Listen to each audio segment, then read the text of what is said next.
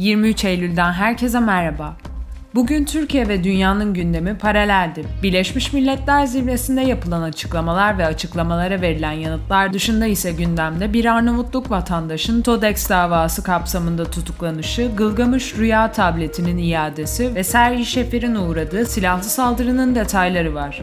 Türkiye'den gelişmeler. AK Parti Grup Başkanı Naci Bostancı, Paris İklim Anlaşması ile ilgili açıklama yaptı. Bostancı, Paris İklim Anlaşması meclisin en önemli başlangıç işlerinden olacak. İmzalarımız tamamlandı. Muhalefetle de görüşeceğiz. Meclise en kısa sürede arz edip geçireceğiz. En hızlı şekilde geçirmeyi planlıyoruz dedi. Cumhurbaşkanı Recep Tayyip Erdoğan dün Birleşmiş Milletler Genel Kurulu'nda Paris İklim Anlaşması'nın kabul edilmek üzere meclise geleceğini duyurmuştu. Kremlin sözcüsü Dimitri Peskov, Cumhurbaşkanı Recep Tayyip Erdoğan'ın Kırım'ın Rusya'ya bağlanmasını tanımayacaklarına ilişkin açıklamasının üzüntü yarattığını söyledi. Erdoğan'ın Rusya Devlet Başkanı Vladimir Putin ile görüşmek için 29 Eylül'de Soçi'ye gitmesi planlandığını hatırlatalım.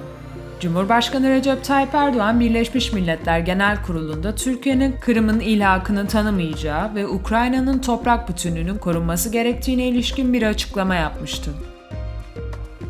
Bir Arnavutluk vatandaşı TODEX'in firari kurucusu Faruk Fatih Özer'e yardım ve yataklık ettiği gerekçesiyle Tiran polisi tarafından tutuklanarak cezaevine götürüldü. Özer, kripto para borsası TODEX hakkında yürütülen soruşturma kapsamında kırmızı bültenle aranıyor. Dünyadan gelişmeler Ukrayna Devlet Başkanı Vladimir Zelenski'nin üst düzey yardımcısı Serhiy Şefir, Kiev yakınlarında konumlanan Lizniki köyünde silahlı saldırıya uğradı. Saldırı esnasında araçta bulunan Şefir yaralanmadı. Ancak arabaya isabet eden 10 kurşun neticesinde Şefir'in şoförü ağır yaralandı. Birleşmiş Milletler Zirvesi için ABD'ye gelen Zelenski, New York'tan ulusa hitaben yaptığı video konuşmasında saldırının arkasında kim olduğunu bilmediğini ancak cevabının sert olacağını açıkladı. Birleşmiş Milletler 76. Genel Kurul görüşmeleri devam ederken bu süreçte Afganistan'ı kimin temsil edeceği yönündeki belirsizlik sürüyor. Ülkede Ağustos ayında kontrolü ele geçiren Taliban, Birleşmiş Milletler'de eski hükümetin değil kendilerinin temsil edilmesi gerektiğini bildirdi.